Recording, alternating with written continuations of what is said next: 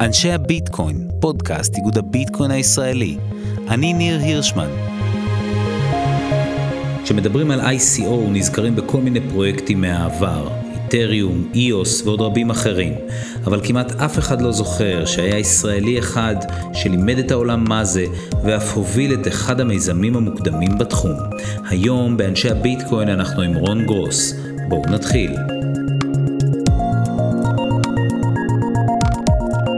אנשי הביטקוין, פודקאסט איגוד הביטקוין הישראלי, והיום זה אה, פרק נורא נורא נורא מרגש, כי אנחנו מארחים כאן את אחד מהמייסדים של אה, איגוד הביטקוין הישראלי, אבל האמת היא שהייתי רוצה להגיד שאולי אפילו את אחד המייסדים של הדבר הזה שנקרא מטבעות דיגיטליים, ובכלל הענף הזה של קריפטו, לא רק בישראל אלא גם בעולם, ואני רוצה להגיד שלום לרון גרוס. שלום, תודה. אז רון, ת, תן לי קצת ככה, אה, אה, בוא, בוא נדבר ככה פתוח. ב-2009 סטושי נקמוטו כותב את ה-white paper של ביטקוין, והאנשים הראשונים שנכנסים לזה, נכנסים לזה בערך ב-2010, אבל אולי שני האנשים הראשונים שנכנסים לזה בישראל, ב, אה, כבר במרץ 2011, זה אה, מני רוזנפלד ואתה. האמת אני אחדד, אני ראיתי לא מזמן, נגיד, שמעתי על שני אנשים, בן אדם או שניים שנכנסו לזה ב-2010, אבל כנראה שהיו פחות פומביים מאיתנו. אוקיי. אז מני ואני היינו ראשונים שנכנסנו, ובאמת לקחנו את זה בצורה פומבית, מני הרים את המיטאפ הראשון, ואני גם כשראיתי את זה במרץ 2011, כתבתי על זה בבלוג שלי, שלחתי על זה לכולם, הגעתי למיטאפ, ראיתי את מני ועוד בן אדם שידוע הלך אחרי עשר דקות. אה, ואז נשארנו מני ואני, ודיברנו ודיברנו ודיברנו. כאילו החבר השלישי בביטלס. כן, מני זוכר מי הוא, אני לא, אני אפילו לא זוכר את זהותו. אה, אבל נשארנו אנחנו וראינו כי טוב, והמשכנו בעצם לדבר על זה גם אחרי ב offline. והרמנו עוד מפגשים יותר ויותר גדולים של 10, 20, 50 איש. ו... רק בשביל לסבר את האוזן, ביטקוין שווה אז כמה? אה, אז הוא היה באזור ה-80 סנט כשאני ראיתי אותו. זאת אומרת, זאת אומרת, ביטקוין שווה 80 סנט, אה, ביטקוין שווה 80 סנט, זאת אומרת, ממש בהתחלה, התחלה, התחלה של הסיפור הזה. אנשים שנחשפים לזה אומרים, טוב, זה יכול להיות מתיחה, זה יכול להיות אה, משהו שייעלם. מה גורם לך להגיד, וואלה, זה דבר שבאמת, לא רק שצריך לשים עליו, אלא גם בתור מתכנת צעיר, וואלה, אני לוקח את ה... לא יודע, כמה שקלים, 10 שקל שיש לי, וקונה איתו את הדבר המוזר הזה. כן, אז אה, אני אומר, היה לי איזשהו מזל מסוים שהיה לי, היה לי את הרקע המתאים, היה לי תואר ראשון שלי במדעי המחשב, שבין השאר גם התעסקתי במערכות אה, מבוזרות, גם בקריפטוגרפיה, גם קצת נגיעות בכלכלה, שביטקוין הרי הוא בדיוק בשילוב, במרכז של המשולש הזה. אה, והבנתי, כמובן שלא ידעתי מה יהיה, לא, לי, לא, לא היה לי גם אז כדור בדולח, אבל הבנתי שיכול להיות פה איזשהו משהו שהוא באמת משנה פרדיגמה, משנה את העולם.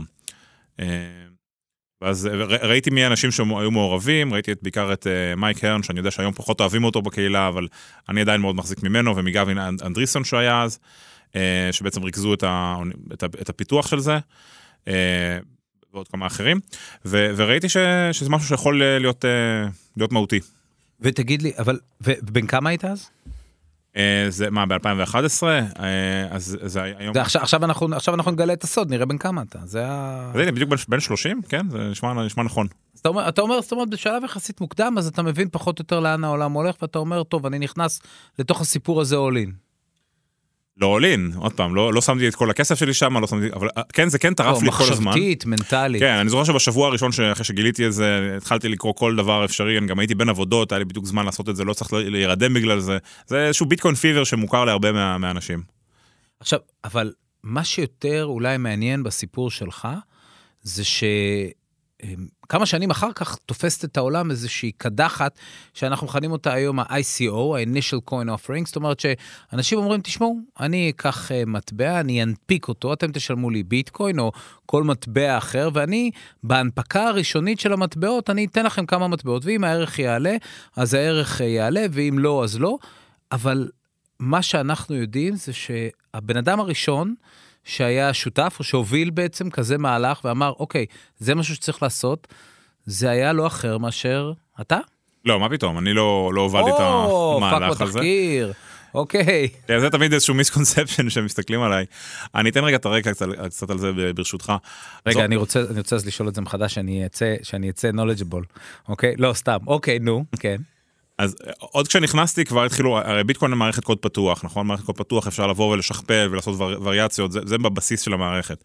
אז עוד ב-2011 ועוד יותר ב-2012 התחילו לבוא כל מיני שכפולים של הביטקוין, היה אז אה, כל מיני name coin, פיר קוין, לייט קוין וכולי.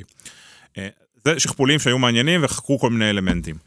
איפשהו באזור 2012 בהתחלה, בא בן אדם בשם JR מארצות הברית, JR Willett, שבא ואמר, יש לו איזה חזון, הביא חזון למערכת שיכולה לתמוך בתוך מערכת אחת, בתוך בלוקצ'יין אחד, בכמה סוגי מטבעות, כן? הוא בעצם היה הראשון שנתן את, את ה multiplexity הזה של, של מטבעות. ב-2012 הוא רק הציג את החזון הזה בלי קונספט של ICO, הוא רק אמר, אני יכול לבנות כמה, פה כמה מטבעות על רשת אחת, אבל החידוש המרכזי הבא שלו בעצם הוא הביא, שנה אחרי זה הוא חזר והביא גרסה הבאה של ה white paper, שאמר תביאו לי כסף, הנה כתובת ביטקוין מסוימת, הוא יצר כתובת ביטקוין שקרא לה אחד Exodus משהו, כלומר יציאה, כן, יציאת מצרים כן. מרשת הביטקוין לרשת המאסטר קוין. תשלחו לי ביטקוינים לכתובת הזאת, על כל ביטקוין אחד שתשלחו לי, תקבלו 100 מאסטר קוינים, עם איזשהו ריבית מסוימת למי שמשקיע מוקדם, תמריצים, אנחנו מכירים את הדברים האלה. אה, ואז בעצם הוא, הוא, הוא, לא קרא לזה ICO, אבל בעצם זה היה ה-ICO הראשון בעולם, בקיץ, בקיץ, באוגוסט 2013, והוא גייס כ-4,700 ביטקוין, אם אני זוכר נכון. ואיפה אתה נכנס לתוך הסיפור הזה? אז אני כבר ראיתי את המאמר הראשון שהוא פרסם לפני שנה, כבר הייתי מעורב, סמכתי על הבן אדם פחות או יותר, ראיתי שנה אחרי זה בית קונספט מהפכני. אה, הייתי הראשון שהגיב לו בפורומים, גם בשרשור בביטקוין טוק, אמרתי לו, תקשיב, אה, רעיון מגניב, אה, יכול להיות מהפכני, בוא תעשה איזשהו foundation, לא רק שישלחו לך בן אדם פרטי את הדבר הזה, בוא תיצור איזשהו, איזשהו גוף. אה, קרן לצורך העניין. קרן, או בעצם אני אז אה, אה, הצעתי לו לעשות איזשהו non-profit foundation, כמו שאנחנו כן. רואים היום גם בכל מיני Ethereum Foundation וכו'. אז בעצם הוא, הוא לקח את הרעיון הזה, הוסיף אותי, הוסיף עוד, עוד כל מיני אחרים, היינו בסך הכל שבעה אנשים, כולל ברוק פירס ועוד אחרים. בתוך ה... אתה, ברוק פירס ו-JR בתוך ה foundation הזה כן. של מאסטר קוין, כן. היינו דירקטורים. כן? כשבעצם הכסף הוא עדיין היה אצל JR בתוך איזושהי כתובת שהוא גייס, אבל אנחנו היינו בעצם אה, איזושהי בקרה עליו. כן, אוקיי. אה, אז הוא התחיל, הוא גייס את הכסף והתחיל לנהל את הדבר הזה, בעצם עשה איזשהו תחרויות כאלה, אמר, אה, הוציא כמה, איזשהו פיצ'ר מתוכנן ועשה bounties לאנשים, בואו תממשו את, את החזון הזה שלו, כן? ובאו כבר איזה ארבעה מפתחים שונים, ארבעה קבוצות שונות, התחילו לפתח את זה, רק שהוא נשאר, JR נשאר עובד ב day job שלו בתור איזשהו מתכנת בעצם בחברה. אוקיי. Okay. אה, ככה עברו כמה חודשים, אני בדיוק יצא שהייתי, כאילו גם אני השקעתי ב, ב, בהנפקה הראשונית, ב-ICO הראשון הזה של מאסטר קוין, אה, והיה לי טוקנים של, של זה, וגם היה לי זמן פנוי ורציתי לעזור לתמוך בפרויקט. אז uh, בעצם ככה התגלגלתי, אני לא, זוכר, לא זוכר אם אני הצעתי או שביקשו ממני, אבל היה פה איזו הסכמה הדדית שאני בעצם נכנס לנהל את הדבר הזה. כן. נכנסתי לנהל את זה בלי בעצם למשוך משכורת, אלא רק הייתי אז... הייתי בוגר הייטק אה, עם אה, ניסיון מועט בניהול, אבל לא, לא ניהלתי משהו בסדר גודל הזה, אמרתי טוב, זה גם טוב לי, לעשות איזשהו, לרכוש איזשהו ניסיון בדבר הזה, ובעצם לא היה אף אחד אחר שיבוא ויכול לקחת, להוביל את הדבר הזה, אז אני נכנסתי לנהל את מאסטר קוין, אה, כמובן בתמיכה של JR ושל שאר ה board. ואז בעצם התחלתי לנהל ב-2013 חברה מבוזרת, ש... כאילו זה היום אולי בעידן הקוביד זה מאוד סטנדרטי, אבל אז לא, לא כך ידענו איך עושים את זה, לא... כמה עובדים היו שם בשיא? זה לא, רוב האנשים היו קונטרקטורים, היו נגיד בסדר גודל של עשרה אנשים פלוס מינוס אה, מתכנתים, מעצבים, כל מיני, היה איזשהו בסיס קטן בישראל, היה גם באמת בכל העולם, באוסטרליה, בארצות הברית, באירופה. היה לנו מפתח אחד שבעצם אה, לא, לא ידענו מי הוא, הוא היה מוכן להזדהות רק בשם בדוי, רק אה, בשיחות מוצפנות, לא, לא היה מוכן לעלות לסקייפ איתנו.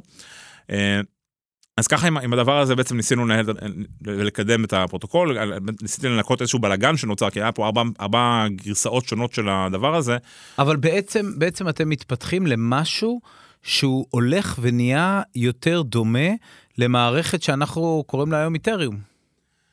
כן, אז אה, כמובן שאז אנחנו לא חשבנו בדיוק בכיוונים של אתריום, אה, ויטאליק אה, בא והביא פה איזשהו חידוש אמיתי. GR בעצם... ב- אבל כשאתה אומר ויטאליק, אתה בעצם כשוויטאליק בוטרין, מי שהקים את אתריום, ייסד אותו, מגיע, מגיע לארץ, מגיע לארץ, הוא פוגש אותך, ואתם מדברים על העניין הזה, ומה אתה אומר לו? אז אני אומר, קודם כל JR כשהוא בא והוא הביא את מאסטרקוין הוא הביא אותו בתור אסופה של פיצ'רים כן הוא אמר זה יכול לעשות את זה ואת זה ואת זה ואת זה ואת זה כן, כל פיצ'ר מאוד מוגדר.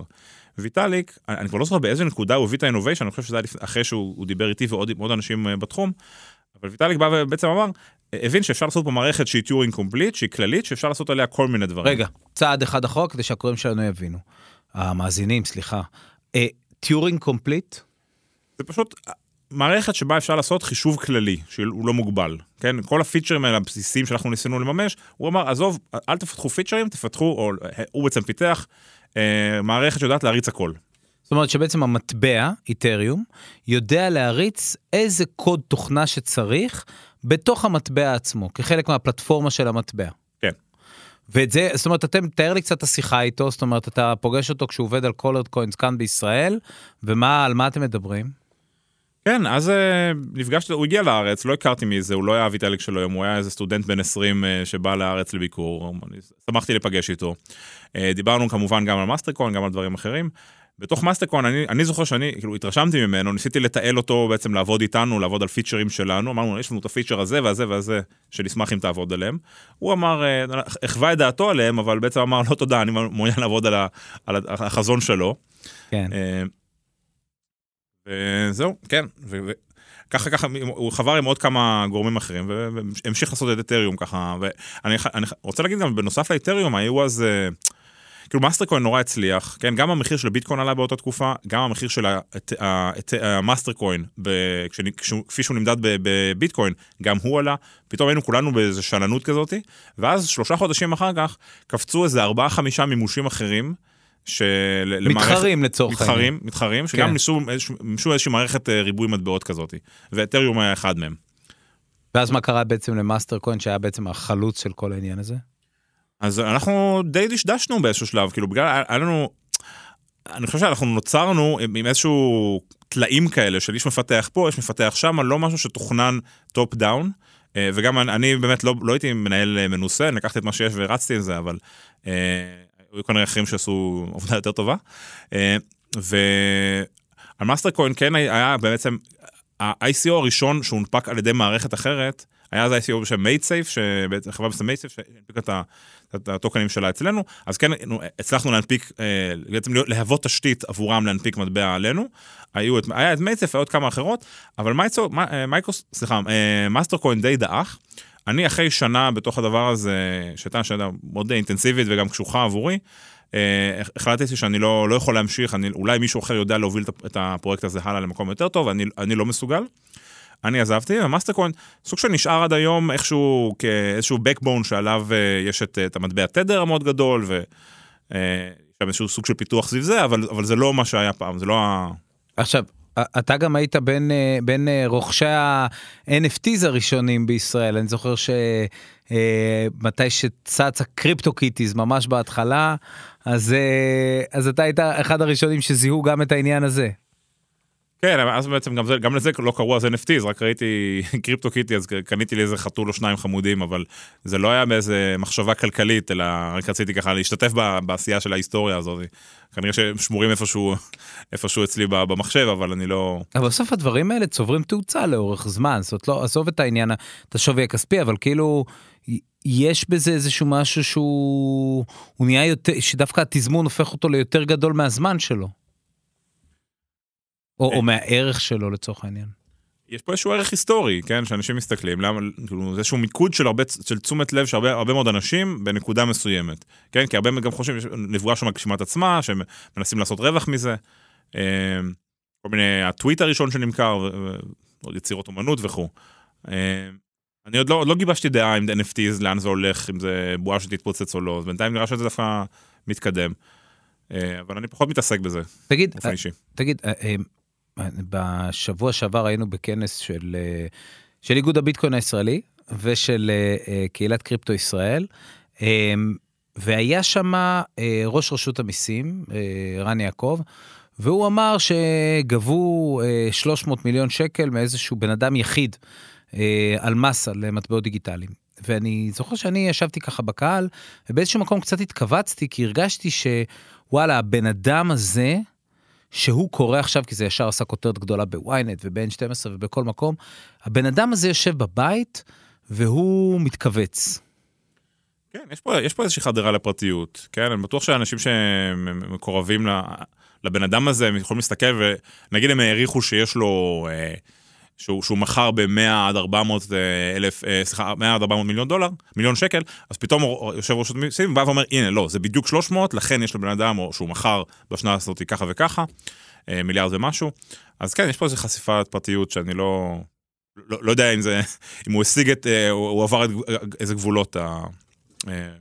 אבל כאילו, מה, זאת אומרת, איך זה, בן אדם כזה שמסתובב ככה עם כזה, גם סכום כזה וגם עם אמירה כזאת, הוא לא מרגיש שמישהו צייר לו איזושהי מטרה על הגב? כן, אני, אני חושב שבסוף יש אה, כאילו הרבה מה... לא יודע, מה- או מה- מה old timers או מהאנשים שפשוט מושקעים בזה בצורה גדולה, אה, כבר מסתובבים עם, עם מטרה כזאת, כן? עוד לפני רשות המיסים, אה, זה לא פשוט, אני יודע שאני נגיד, ה... כתבתי בבלוג שלי ב-2011 שקניתי ביטקוין ב-80 סנט. כבר העובדה הזאת רשומה בכל מקום וכתבתי את זה בפייסבוק וכו' וכו'. כן, אז זה משהו שאני אני לא יכול למחוק היום מה, מהאינטרנט בעצם. אבל תגיד, איך זה משפיע בעצם על, ה, על החיים? למזלי בינתיים זה, זה לא היה, אתה יודע, לא, לא חטפו, לא אותי ולא אף אחד, ולא פרצו לי, ולא היה הש- השפעה קונקרטית, אבל יש מחשבות על זה. יש מחשבות ויש הגנות, ואתה יודע, לפטופים מוצפנים ו- ומכשירים, וכאילו, אתה, אתה, אתה חושב, מנסה להיערך לזה. תגיד, אבל זה משפיע על החיים האישיים? זאת אומרת, זה משפיע על, כאילו, איך שאתה מדבר עם אנשים, איך שהדינמיקה של, אה, של קשרים אישיים, של זה, זה משפיע? כן, אנשים מתייחסים לזה בכל מיני צורות. אה, אני בכללי בן אדם מאוד פתוח, וכשאני נכנס ומדבר עם מישהו, נגיד דייט, כאילו דייט עם מישהי חדשה, כן. בהתחלה, אז אתה יודע, היא מספרת על עצמה והיא עושה ככה וככה, וזה מה שהיא עשה לפני כמה שנים וזה. אז אני אומר, כן, אני, אני, כשאני מספר את ההיסטוריה שלי, זה קצת, כאילו, אני לא ממש יכול לספר על זה בלי להגיד, כן, ואני אני עכשיו לא, לא עובד למחייתי וקניתי ביטקוין, ואני משקיע בסטארט-אפים נגיד, מאיפה יש לי כסף להשקיע בסטארט-אפים, מהביטקוין, זה הכל, זה הכל מתחבר. אני עוצר לרגע, נדב, נ- בוא ננסה לדבר טיפונת יותר לאט, כי אנחנו רוצים נורא מהר. אז, אבל כאילו אנחנו יושבים בדייט, ואנחנו מדברים, וזה לא כאילו נורא להרים לעצמי, שאני אומר, וואלאק, אני יש לי כאילו מאיפה זה, זה, א- א- איך זה, מה זה מכניס לתוך, זה עושה משהו בתוך ה... בתוך המערכת יחסים, או, או עם חברים, או עם אנשים שנפגשים, או עם קולגות לעבודה. כן, אני אומר, זה משהו שאני ער לו.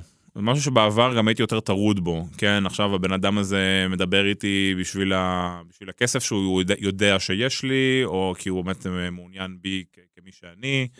אה, אז אז זה משהו ש- שיותר הציק בלופים בעבר, היום אני כבר איכשהו יותר התרגלתי לזה, אה, ואני, אוקיי, זה, זה, זה חלק מהמציאות. וכן, זה, זה מביא לפעמים למצבים לא פשוטים. כי מה? כי מפתחים הגנות, כמו שמפתחים הגנות על הלפטופ המוצפן, מפתחים גם קצת הגנות על ה... כי אני יכול להגיד לך, נניח לגבי, לגביי, זאת אומרת, אני מתעסק עם ביטקוין הרבה שנים, אני יכול להגיד לך שאני בכלל לא התעשרתי מהתחום הזה, לחלוטין לא, ולשמחתי אני עובד אה, למחייתי, אבל אני יכול להגיד לך שבגלל שאני אה, מדבר לא מעט על זה עם האנשים שמסביבי, הם סגורים על זה, לפחות בחלקם, שוואלאק, אני פה נתתי קופה, ו... אגב, וזה לא נכון. באסה, הלוואי שזה היה נכון, הייתי... אבל כאילו, אתה יודע, יש פתאום כזה איזה... אני, אני מרגיש איזה מעין מבט כזה, אתה יודע, של כזה, וואלאק, ומה יש, ומה זה. ואני, ואתה יודע, יצא לי לדבר, אה, עשינו פרק פיילוט עם... אה, עשינו פרק פיילוט עם אה, עוד מישהו מהקהילה, עוד בחור מאוד מאוד משמעותי ומאוד נחמד, שבטח נזמין אותו עוד פעם לעוד פרק. אבל הוא גם כן אמר, הוא אמר, תשמע, יש איזו תחושה כשאתה יושב עם בן אדם שהוא מסתכל עליך והוא שואל, מה אני יכול להוציא מה, מהפגישה הזאת? מה אני יכול להוציא ממנו? ואתה אף פעם לא יודע למה אנחנו יושבים בעצם. האם אנחנו יושבים כדי שהוא יקבל איזושהי עצה, או כשאני אקבל, או שזה, או, ש... או שמישהו פה בא למדוד אותי עם אה, סנטימטר של תופרת. כן, אני אומר, זה, זה, זה נכון, זאת המציאות. כן, זה... זה כמו שאתה אתה יושב עם מישהי, נגיד, אה, יפה, כן, אז היא גם חושבת, רגע, רוצים אותי עכשיו כי אני מעניינת, או בשביל היופי שלי? כן, זו תכונה שהיא קיימת, היא שמה. ויש אנשים שיודעים אה, יותר להחביא אותה, כן, ו- ולא לבוא, לא לבוא ולשים את הכל בפגישה הראשונה. אה, ויש אנשים שיגידו לא, לי, לי אין, אה, לי אין, אני לא התעשרתי מזה ואין לי, ו, ו, ו, ובפועל יש להם מחסנים שם של, של לג'רים. אבל אה, לא, אם אני, רוצ, אם אני רוצה להיות פתוח ו, ושקוף כמו שאני, אז, אז חלק מה, מהמציאות הזאת שאנשים יודעים את זה. ואני פשוט מתמודד עם זה.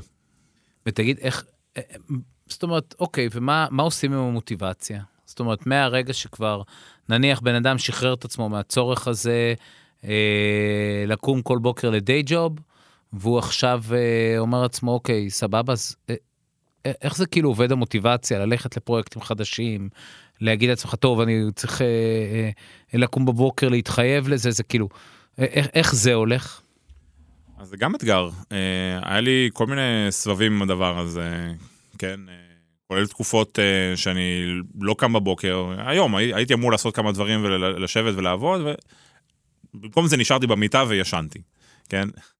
עכשיו, אצלי זה, זה פשוט בא והולך, יש תקופות שאני יותר מחובר לעשייה, למשמעות יותר גדולה, לרצון לתרומה, ויש תקופות שאני פחות. עכשיו, אני, אני מסתכל על זה ממש בתור איזשהו טיפוס על אולי המדרגה האחרונה בפירמידת הצרכים של מאסלו.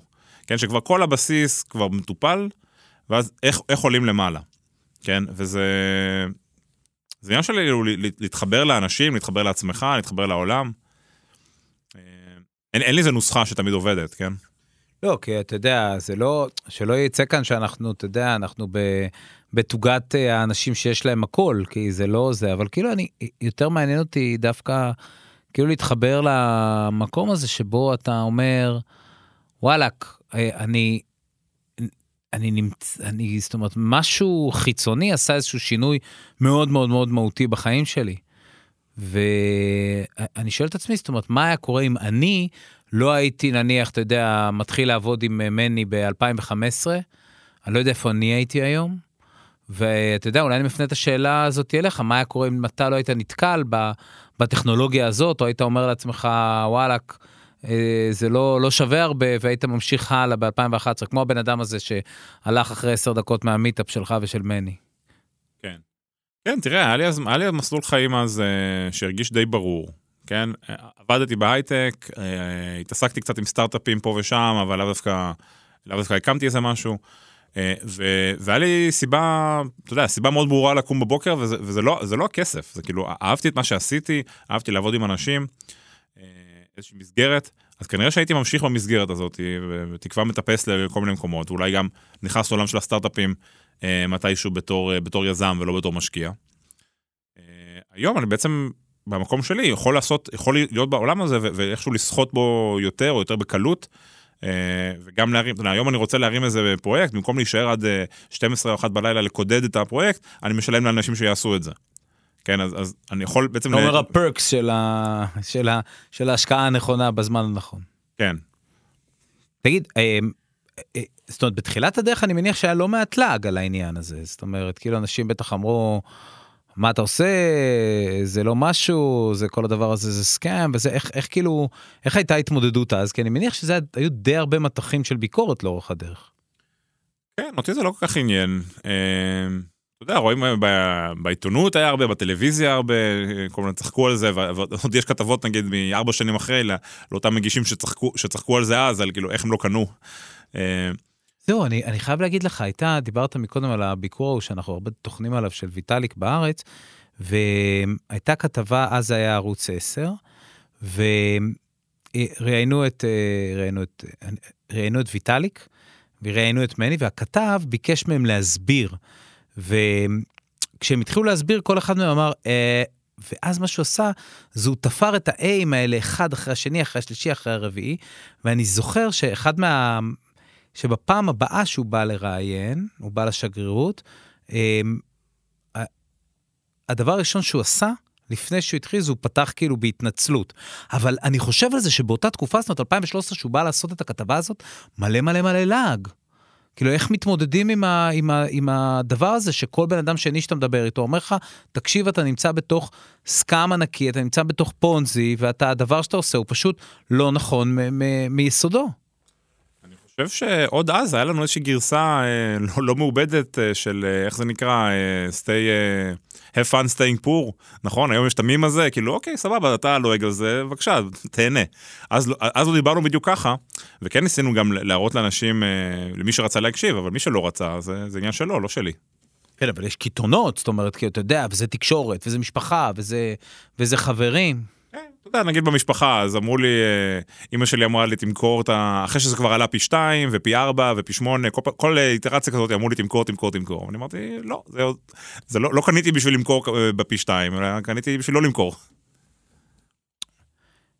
הבנתי. זה, עכשיו, ה- זאת אומרת, היכולת הזאת לקחת את זה לכל כך הרבה שנים, זה...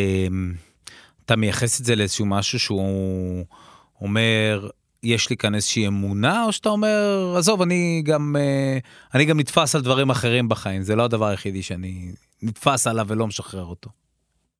אה, אני, גם- אני גם נתפס על דברים אחרים לפעמים, כן? גם על מערכות יחסים נגיד, יש לי... נכנס אה, ברבק, אבל אה, במונחים שלה, בהשקעות לא היה לי משהו כמו הביטקוין, כן? ומה הסיבה בעצם? אמ, זה- אתה יודע, בצורה, אני אגיד את זה בצורה קצת מיסטית, ראיתי את העתיד, כן? ראיתי גם את היום וגם גם, גם את מה שעוד יבוא. אני לא יודע בוודאות שזה יקרה, אבל אני חושב שביטקוין או קריפטו או אתר, לא משנה מה, זה מועמד להיות מטבע עולמי, כן? זה לא...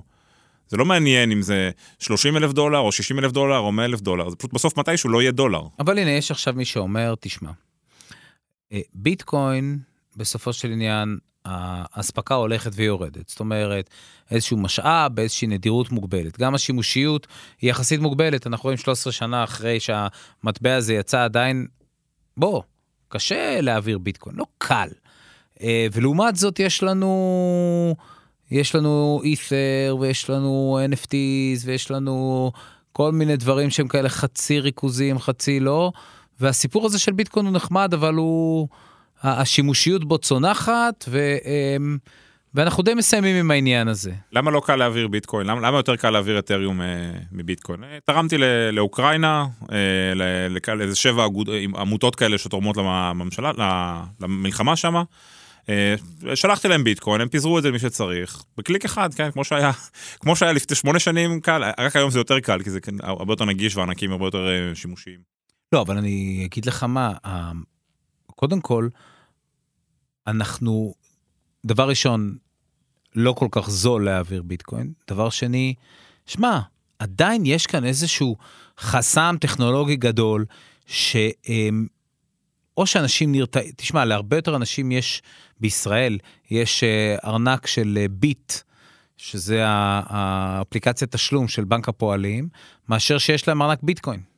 שהם יכולים לפתוח ארנק ביטקוין בקלות והם לא צריכים לא לעשות את ה-KYC של בנק פועלים ולא לעשות שום דבר, אבל עדיין הם מחזיקים את זה כי זה עדיין יותר פשוט להם. אה, ויש כאן איזשהו חסם, אתה יודע, בוא תכתוב את ה-24 מילים האלה, ואם הם נאבדו לך אז הלך הכסף וחבל לך על הזמן הזה. יש כאן איזשהו משהו שהוא נורא נורא נורא טכנולוגי, שיש אנשים שנרתעים ממנו, כי וואלכ הם באמת אנשים לא טכנולוגיים בעליל. כן, דיברת על שני דברים, גם על העלות של השליחה של ביטקוין, גם על החסם הטכנולוגי. ב- נכון, אני מערבב, זה נורא. לא, הכל בסדר. אז העלות, אתה יודע, אני לא, אני לא עוקב אחרי עלויות האתר מול עלות, עלות הביטקוין, אבל אני חושב שגם, כאילו, זה לא שביטקוין יותר יקר בהכרח מיתר או לא, זה, יש פה, גם זו שאלה שלמה, אבל, סוגיה שלמה, אבל אפשר, אפשר לשלוח היום ביטקוין בדרך כלל במחיר של עשרות סנטים, אה, זה לא עולה הרבה, ואתה יכול, יכול להעביר, אתה יודע, עשרת אלפים דולר או מאה אלף דולר ב, ב, בכלום, וגם בלייטנינג אתה יכול להעביר בעוד פחות עלות. אה, אבל דווקא הסוגיה השנייה בעיניי יותר מעניינת, של הטכנולוגית, איך בן אדם מהרחוב אה, נכנס לזה. קודם כל, העניין הוא המ- המוטיבציה, כן? אם יש לבן אדם את המוטיבציה, ואם הכלים מספיק, מספיק קלים, הוא כבר יעשה את זה. והכלים נעשים יותר ויותר פשוטים, ויש לנו כלים גם, וארנקים שלא דורשים מהבן אדם לשמור את ה-24 מילים, ואנחנו רואים היום בנקים כבר, אה, ש, שבעצם מאפשרים ללקוח לשמור מאזן ביטקויני בתוך הבנק, כן? ואז ממש באפליקציה... מעט מאוד, מעט מאוד. נכון, מעט מאוד, אבל יותר מלפני, מלפני שנתיים ולפני חמש. אני אפילו, ב- לא, אני אפילו לא יכול לחשוב על דוגמה. לא, אני, אני, אני, יש, יש בנק ב, באירופה, סבא בנק, אוקיי. ובארצות הברית, בארצות הברית אני גם בטוח שזה, שיש אופציות. אה, אבל, אתה יודע, אומרים נגיד מעט מאוד, זה כמו שאני אגיד, יש היום מדינות שכבר מקבלות ביטקוין, כן? אתה תגיד מעט מאוד, אבל זה כזה, זה תמיד ה-level הבא. אנחנו, לפני חמש שנים, מי חשב שמדינה בזמן הקרוב תקבל ביטקוין? והיום זה כבר קורה. לא, אבל עשה, לי, עשה לכל מי שמתעסק בתחום, עשה רושם שאתה יודע, בהתחלה, שתוך חמש עד שבע, מקסימום עשר שנים, הדבר הזה פורץ ובענק. ואנחנו נמצאים היום 13 שנה אחרי, ואם אתה תשאל אותי איפה יש, ודווקא אני, מתוך הקהילה, איפה יש שימושיות גבוהה מאוד בביטקוין, אני אגיד לך, תקשיב, יש, קודם כל יש שימושיות גבוהה בכל מה שקשור בקנייה ומכירה, זאת אומרת, הספקולציה. אמ, יש באל סלבדור קצת עבודה, אבל, ב, אבל במקומות שבהם ביטקוין הופך להיות מטבע עובר לסוחר, ממש כדי לקנות סחורות, צ'יטוס, סחורות של עולם אמיתי, פחות. כן, אבל זה, זה, זה, זה תהליך שהוא קורה מתוך האדופשן, אני אומר, זה, כרגע משתמשים בביטקוין במקומות שהוא הכי הגיוני שישתמשו בו, כן? כמו למשל להעביר כסף לאוקראינה, אין דרך אחרת לעשות את זה, כן? או, או, או אפילו, אתה יודע, לשלם לקבלנים, לשלם, לשלם לתכנתים מחו"ל, זה, זה הרבה פעמים הכי קל לעשות את זה ככה. מטבע פשוט עובר נורא בקלות. בשביל החמש אה, שקל, חמש דולר אה, לקנות את הצ'יטוס, זה, זה יכול גם להגיע לשם כשיהיה מספיק, אה, אתה יודע, תפוצה של לייטנינג וכו', אבל זה לאו דווקא בעיה מעניינת היום, כאילו, זה, זה לא, לא צריך לתפור את ביטקוין לאיפה שאנחנו רוצים שהוא יהיה, שהוא יהיה בכל מקום, אלא צריך ללכת למקומות שהוא, שהוא באמת כואב ולהשתמש בזה שמה. כלומר? אני אומר, יש שימושים היום, כאילו, יש, יש שימושים היום כשמישהו באמת צריך להשתמש בביטקוין, בין אם זה לספקולציה, אגב, או שלש השקעה, זה שימוש לגיטימי, כן? מישהו אומר, אני חושב שהיום אה, מי שמחזיק, אה, יש אנשים שמחזיקים 95% אה, או 100% מה, מהתיק שלהם בביטקוין או בקריפטו, זה בעיניי הזיה, כן? אבל באותה, באותה מידה זה הזיה מי שמחזיק 0% בביטקוין. היום רוב העולם עדיין מחזיקים 0%. אז, אז כן, החזקה של ביטקוין פשוט בתור ספקולציה או בתור השקעה זה, זה שימוש לגיטימי אחד. וגם כשיש לך כשאתה, כשאתה עובד עם סוחר שאתה רוצה, או איזשהו ספק שירות שאתה רוצה לשלם לו בביטקוין, או שאתה רוצה להעביר כסף לאיזה בת דודה שגרה בחו"ל, או איזה משהו ש... פשוט רק העמלות וההתעסקות עם הבנקים עדיין, עדיין מסובכים היום. יותר, יותר מאשר לשלוח העברה בביטקוין. תגיד, חמש שנים מהיום, איפה אנחנו? אין לי כדור פתולח, לא יודע, האמת שדווקא העולם היום אה, מאוד אה, משתנה עם כל המפה הגיאופוליטית, אה, רוסיה, סין וכל הדבר הזה, זה נורא, נורא קשה לחזות, אני לא... לא יודע להגיד, אבל אני... אבל בתור מי שראה את הטכנולוגיה הזאת, זאת אומרת, ב... ממש בהתחלה שלה, ואמרת, ראיתי את העתיד, אז מה העתיד שלה בחמש, עשר שנים הקרובות? להמשיך למסלול, אתה יודע, אני יכול להמציא לך פה עובדות, כן? אה, עוד מדינות מתחילות לאמץ את ביטקוין, עוד בנקים מתחילים לאמץ את ביטקוין, זה נהיה כבר יותר, קצת יותר מיינסטר, זה עדיין לא, עדיין לא ייגמר, כן? כדי שביטקוין באמת, אה, מה שנקרא, ישתלט על העולם ויממש את החזון שלו, אז בעצם צריך לנהל מלחמה מול, אה, מול הברית, מול האיחוד האירופי, מול, מול סין. זה, זה, זה גופים לא פשוטים, זה מלחמות לא פשוטות ש, שמתחילות כבר, כן? כל ההצבעה עכשיו שהייתה באיחוד האירופי, זה היום לדעתי נפל, שהם רצו לאסור על קריאה של proof of work, אה, וזה לא, לא עבד. אה, אז, אז יהיו, יהיו עוד צעדים בכיוון הזה.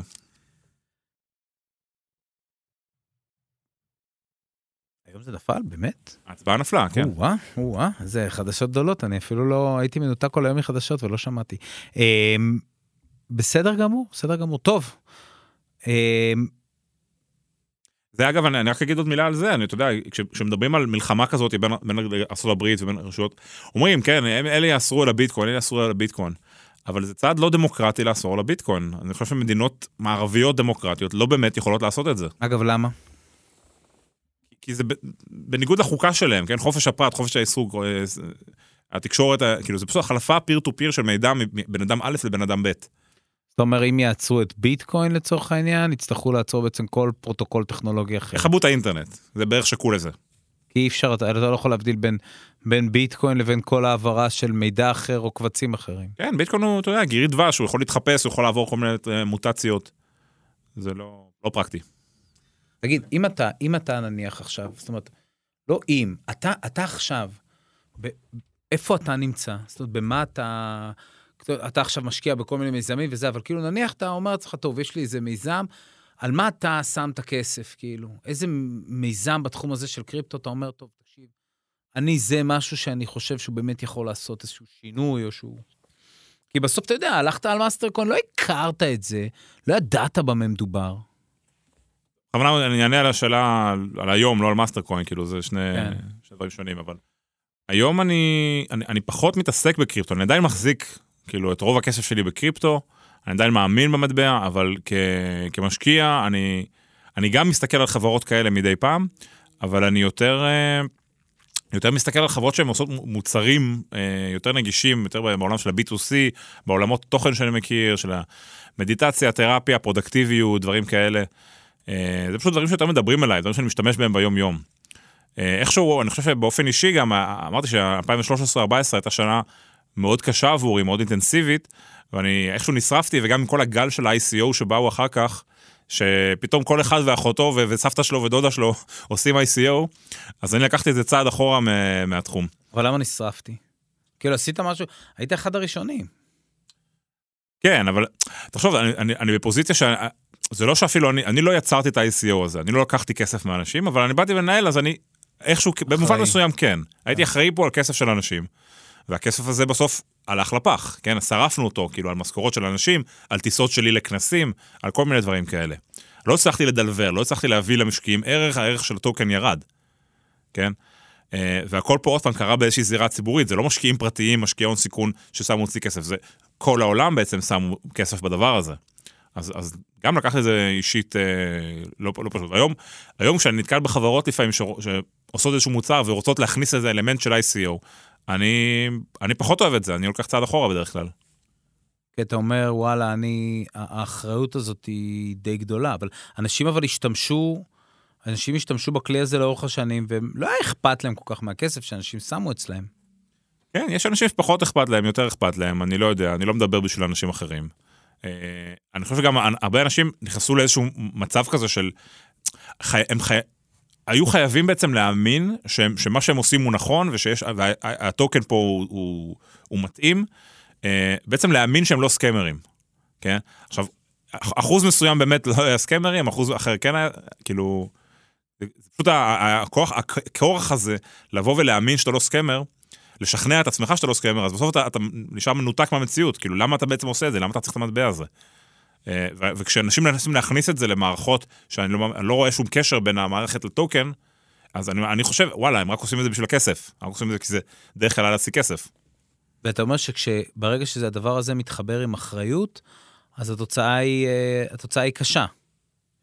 כן, כן, אה, אני יודע שאני לקחתי את זה קשה, ואני גם מכיר אחרים ש, שגם, כאילו, היו מעורבים בצורה זו או אחרת. ו... אתה חושב שזה הסיבה שנניח האיגוד לאורך השנים תפס דווקא את העמדה היותר, אה, אם אפשר לקרוא לזה, המבחינה יותר בין טוב לרע בתחום הזה?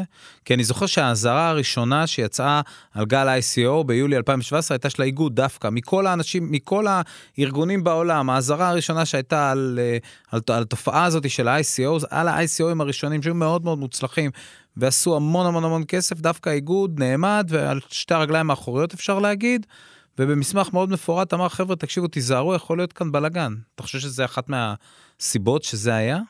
כן, אני חושב שהאיגוד ובכלל הקהילה הישראלית היא שמרנית באיזשהו מובן, שמרנית בתוך הביטקוין, בתוך הקריפטו, כן, של אה, רק הביטקוין טוב ומטבעות אחרים אה, כבדהו וחשדהו. אה, ואני גם במובן מסוים שם, אני אולי פחות, פחות שמרן מחלקים מאנשים מסוימים, אבל עדיין. פשוט ברגע, ש, ברגע שיש כזה היצע של, של מטבעות שונים של, ושכל אחד יכול לעשות את זה, אז זה כבר הופך להיות נורא, נורא ריסקי. כן, ואני תמיד משווה את זה, יש, יש גולדן סטנדרט, זה הביטקוין, זה ברור, זה, זה כבר, אנשים מבחוץ מסתכלים על הביטקוין, אומרים זה מסוכן. אני, אני לא, אנשים בקהילה אומרים, לא, הביטקוין זה הדבר הבטוח.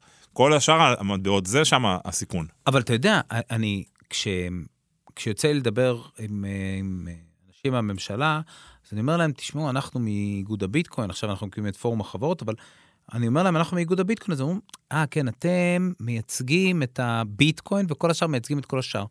ואני באיזשהו מקום, אה, אני יודע שגם בשיחות שלי עם הקהילה, זה תמיד היה, תקשיב, זה לא איזה משהו דתי, או זה לא איזה קבוצת ההערה של טימותי לירי, למרות שהרבה אנשים מדברים על כל הרביט הול וכל הדברים האלה, אבל בדרך כלל זה עמוס באיזו סדרה ארוכה של נימוקים הגיוניים.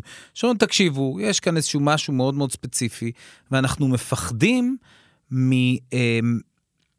אה, מה, מההתפתחויות השונות בתחום, לא בגלל שאנחנו שמרנים נקודה, שמר, כי הרי שמרנות זה פחד משינוי, לא בגלל שאנחנו שמרנים נקודה, אלא בגלל שאנחנו יודעים שזה באמת יכול להיות כר פורה למניפולציות. ואנחנו מפחדים שמי שייכנס לתחום הזה, והוא יהיה נורא נורא חדש, יהיה נורא נורא קל לעבוד עליו, כי הממבו ג'מבו הטכני הזה עובד לכל הכיוונים. כן, זה, זה גם, זה גם נופ, נורא נופל על אה, איזשהו...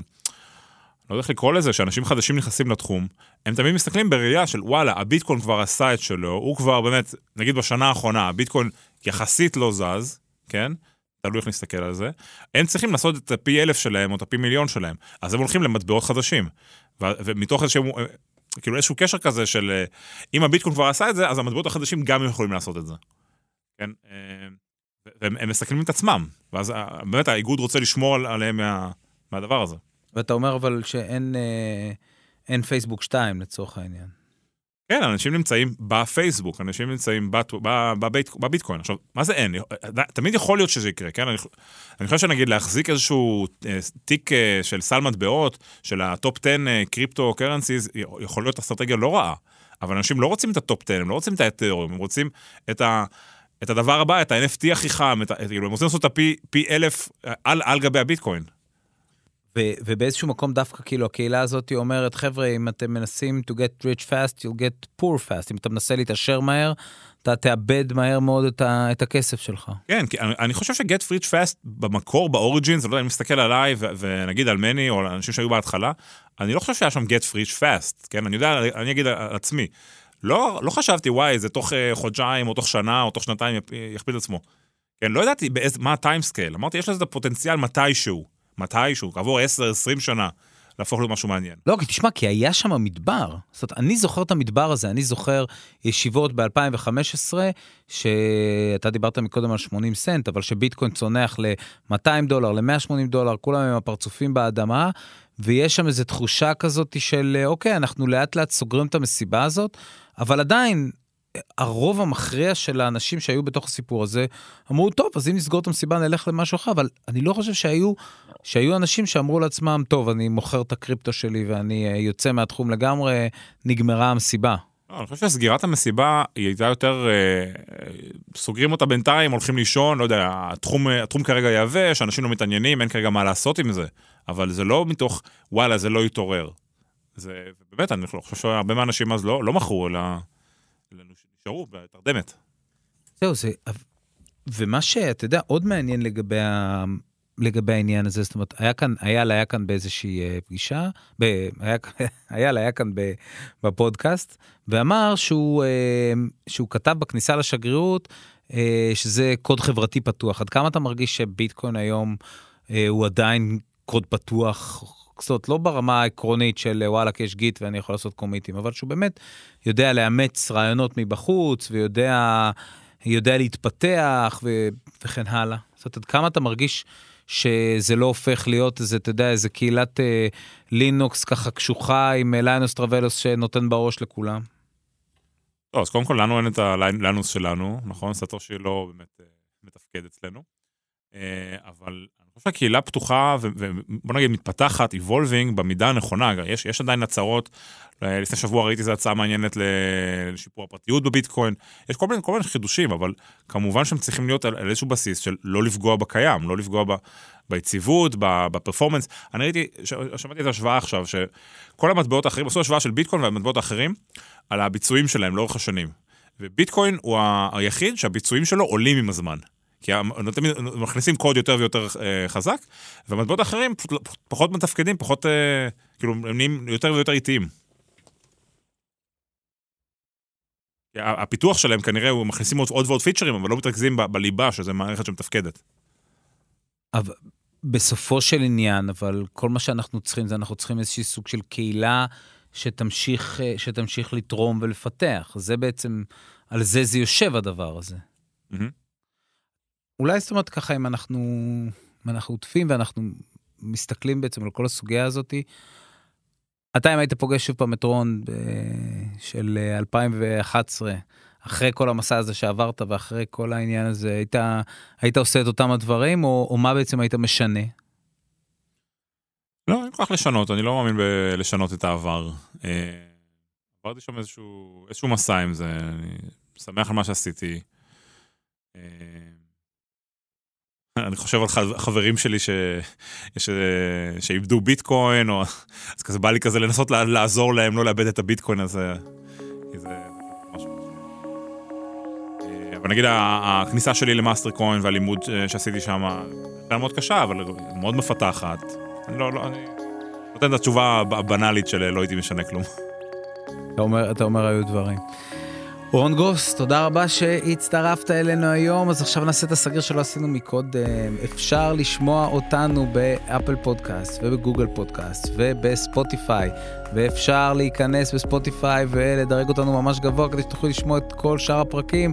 ותיכנסו לאתר איגוד הביטקוין הישראלי, יש שם סיפורים על אחלה דברים, והניוזלטר שלנו, ותודה רבה שהייתם איתנו היום. רון גרוס, תודה רבה. תודה לך. תודה לכל מי שהשתתף בהכנת הפרק. תודה מיוחדת למני רוזנפלד, יושב ראש איגוד הביטקוין הישראלי, שרק בזכותו אנחנו יכולים להביא את הסיפור הזה אליכם. הפקה ועריכה, ניר הירשמן. הקלטה ועיצוב סאונד, עידן קין שמיר. תודה לנועה משיח ולאלומה להב על הסיוע והתמיכה. תודה לרוי שלומי על ההגשה והעזרה. את הפרקים שלנו ניתן למצוא בספוטיפיי, אפל פודקאסט וגוגל פודקאסט. למי שרוצה לקרוא עוד אפשר להיכנס לאתר איגוד הביטקוין הישראלי בכתובת bitcoin.org.il. אל תשכחו להירשם לרשימת התפוצה שלנו באימייל, אנחנו מספרים שם על הרצאות, אירועים ועוד דברים מעניינים שקורים בקהילת הביטקוין הישראלית. נתראה בפרק הבא של אנשי הביטקוין.